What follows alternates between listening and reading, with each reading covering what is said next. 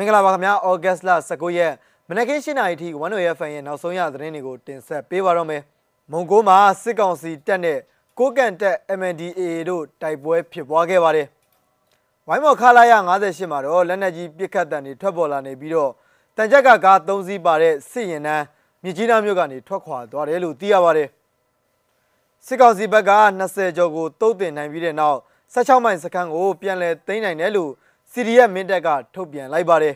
ဒီသတင်းနေနဲ့တူဒီကနေ့မနက်ပိုင်း8နာရီထိနောက်ဆုံးရရှိတဲ့သတင်းတွေကိုတင်ဆက်ပေးမှာပါပထမဆုံးအနေနဲ့တင်ဆက်ပေးခြင်းတဲ့သတင်းတစ်ပုဒ်ကတော့ရှမ်းပြည်နယ်မြောက်ပိုင်းမူဆယ်မြို့နယ်မုံကိုမြို့ဖောင်းဆိုင်ကျေးရွာမှာဩဂတ်စ်18ရက်နေ့မနက်ပိုင်း10နာရီခွဲလောက်ကအကြမ်းဖက်စစ်ကောင်စီတပ်နဲ့ကိုကန်တပ် MNDAA တို့ကြားတနအီခန့်ကြားတိုက်ပွဲဖြစ်ပွားခဲ့တယ်လို့သိရပါတယ်။စီရေးလှုပ်ရှားမှုတွေပြုလုပ်လာတဲ့စစ်ကောင်စီတပ်ကို ကိုကန် MNDAA တပ်ဖွဲ့ဝင်တွေကကြားဖြတ်တိုက်ခိုက်တာကြောင့်တိုက်ပွဲဖြစ်ပွားခဲ့တာပါ။ရှမ်းပြည်နယ်မြောက်ပိုင်းမုံကိုမြို့ပန်ဆိုင်ကျေးရွာနီးမှာလည်းဩဂတ်6ရက်ကစစ်ကောင်စီတပ်နဲ့ MNDAA တို့ကြားတိုက်ပွဲဖြစ်ပွားခဲ့ပါသေးတယ်။အကြမ်းဖက်စစ်ကောင်စီတပ်ဟာလက်နက်ရိတ်ခါနဲ့စစ်အင်အားတိုးချဲ့မှုတွေဆက်ပြီးတော့ပြုလုပ်နေတဲ့အတွက်ကြောင့် MNDAA KIA တို့နဲ့မကြာခဏတိုက်ပွဲတွေဆက်လက်ဖြစ်ပွားနေတာပဲဖြစ်ပါတယ်။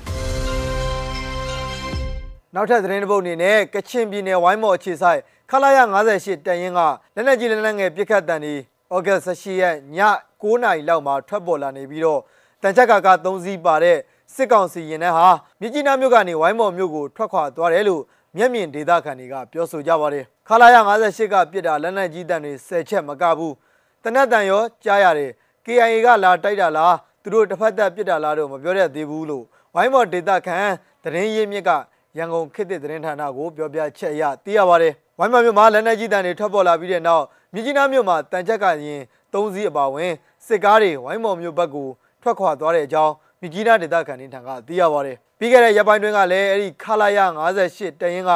ပြစ်ခတ်တဲ့လက်နက်ကြီးတွေအကြောင်းအနီးဝန်းကျင်မှာရှိတဲ့ကျေးရွာတွေအတွင်းမှာကြားရောက်ပောက်ကွဲပြီးနေအိမ်တွေပျက်စီးခဲ့သလိုခလာရ58တရင်ကပြစ်ခတ်တဲ့ကြီးစံထိမှန်ပြီးလမ်းသွားပြည်သူအမျိုးသမီးတို့ ပွဲချင်းပြီးတည်ဆုံခဲ့ရပါတယ်နောက်ထပ်သတင်းတစ်ပုဒ်အနေနဲ့ချင်းပြည်နယ်မင်းတပ်မြို့မှာရှိတဲ့16မိုင်စခန်းကိုစီရီယက်မင်းတပ်ကပြန်လည်သိမ်းပိုက်နိုင်ခဲ့ပြီးဩဂတ်စ်လ15ရက်နေ့ကနေစတင်ပြီးတော့မနေ့ကထိ၄ရက်တာတိုက်ပွဲတွင်အကြမ်းဖက်စစ်ကောင်စီတပ်ဖွဲ့ဝင်20ဦးကျော်တေဆုံးခဲ့တယ်လို့စီရီယက်မင်းတပ်ကသတင်းထုတ်ပြန်ထားပါတယ်ဒီ၄ရက်တာတိုက်ပွဲမှာစီရီယက်မင်းတပ်ကကြာဆုံးမှုမရှိဒဏ်ရာရရှိသူအနေငယ်သာရှိပြီးတော့ရန်သူလက်နက်တွေရလိုက်တယ်16မိုင်စခန်းကို ပြန်သိမ်းလိုက်နိုင်ပါတယ်စကားစတွေဘက်ကအနည်းဆုံး20ကျော်ကြာဆုံးပြီးဒဏ်ရာရသူအများပြားနဲ့နောက်ဆုတ်သွားခဲ့တယ်လို့စီရီယက်မင်းတပ်ထုတ်ပြန်ချက်မှာဖော်ပြထားပါတယ်ချင်းပြည်နယ်မင်းတပ်မြို့နယ်အတွင်းမှာကျမ်းပတ်စစ်ကောင်စီတပ်ဖွဲ့ဝင်တွေကလူသူလက်နက်အင်အားအလုံးရင်းနဲ့စစ်မျက်နှာတွေခွဲပြီးတော့ထိုးစစ်ဆင်လာပြီးလက်နက်ကြီးလက်နက်ငယ်လူအင်အားနီးပညာစတဲ့အရာတွေကိုချင်းကာကွယ်ရေးတပ်ဖွဲ့စီရီယက်မင်းတပ်ကမရှင်းနိုင်ပေမဲ့စီရီယက်မင်းတပ်ရဲ့အစင်လာတိုင်း မဖြစ်နိုင်တဲ့အနေအထားအချက်တဲခက်ခဲပေါင်းစုံနဲ့ရုံထွက်လာနိုင်ခဲ့ကြောင်းထုတ်ပြန်ချက်မှာရေးသားထားပါတယ်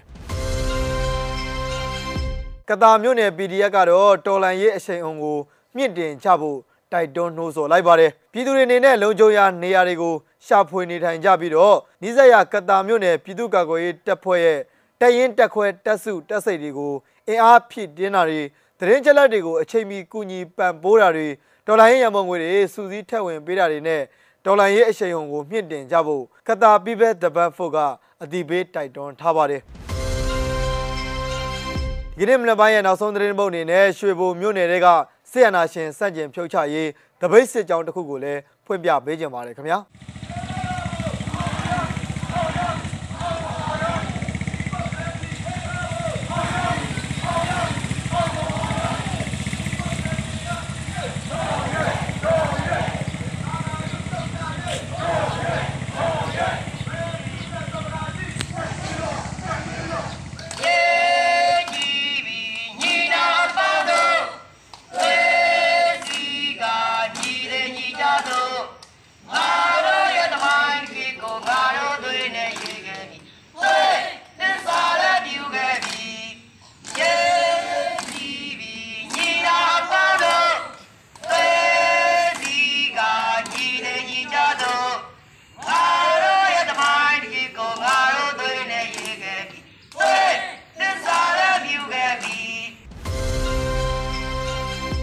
ဩဂတ်စ်လ19ရက်မနက်ခင်း7:00နာရီထိနောက်ဆုံးရရှိတဲ့သတင်းတွေကိုတင်ဆက်ပေးခဲ့တာပါ။ဝန်တော်ရဖန်ကိုစောင့်မျှော်နားဆင်ကြတဲ့ပြည်သက်ပေါင်းကိုစိတ်နှဖျားကျမ်းမာချမ်းသာကြပါစေလို့ဆုမွန်ကောင်းတောင်းလိုက်ရပါတယ်။ထူးခြားတဲ့သတင်းတွေနဲ့အတူကျွန်တော်တို့မကြခင်မှာပြန်လည်ဆုံတွေ့ကြပါမယ်။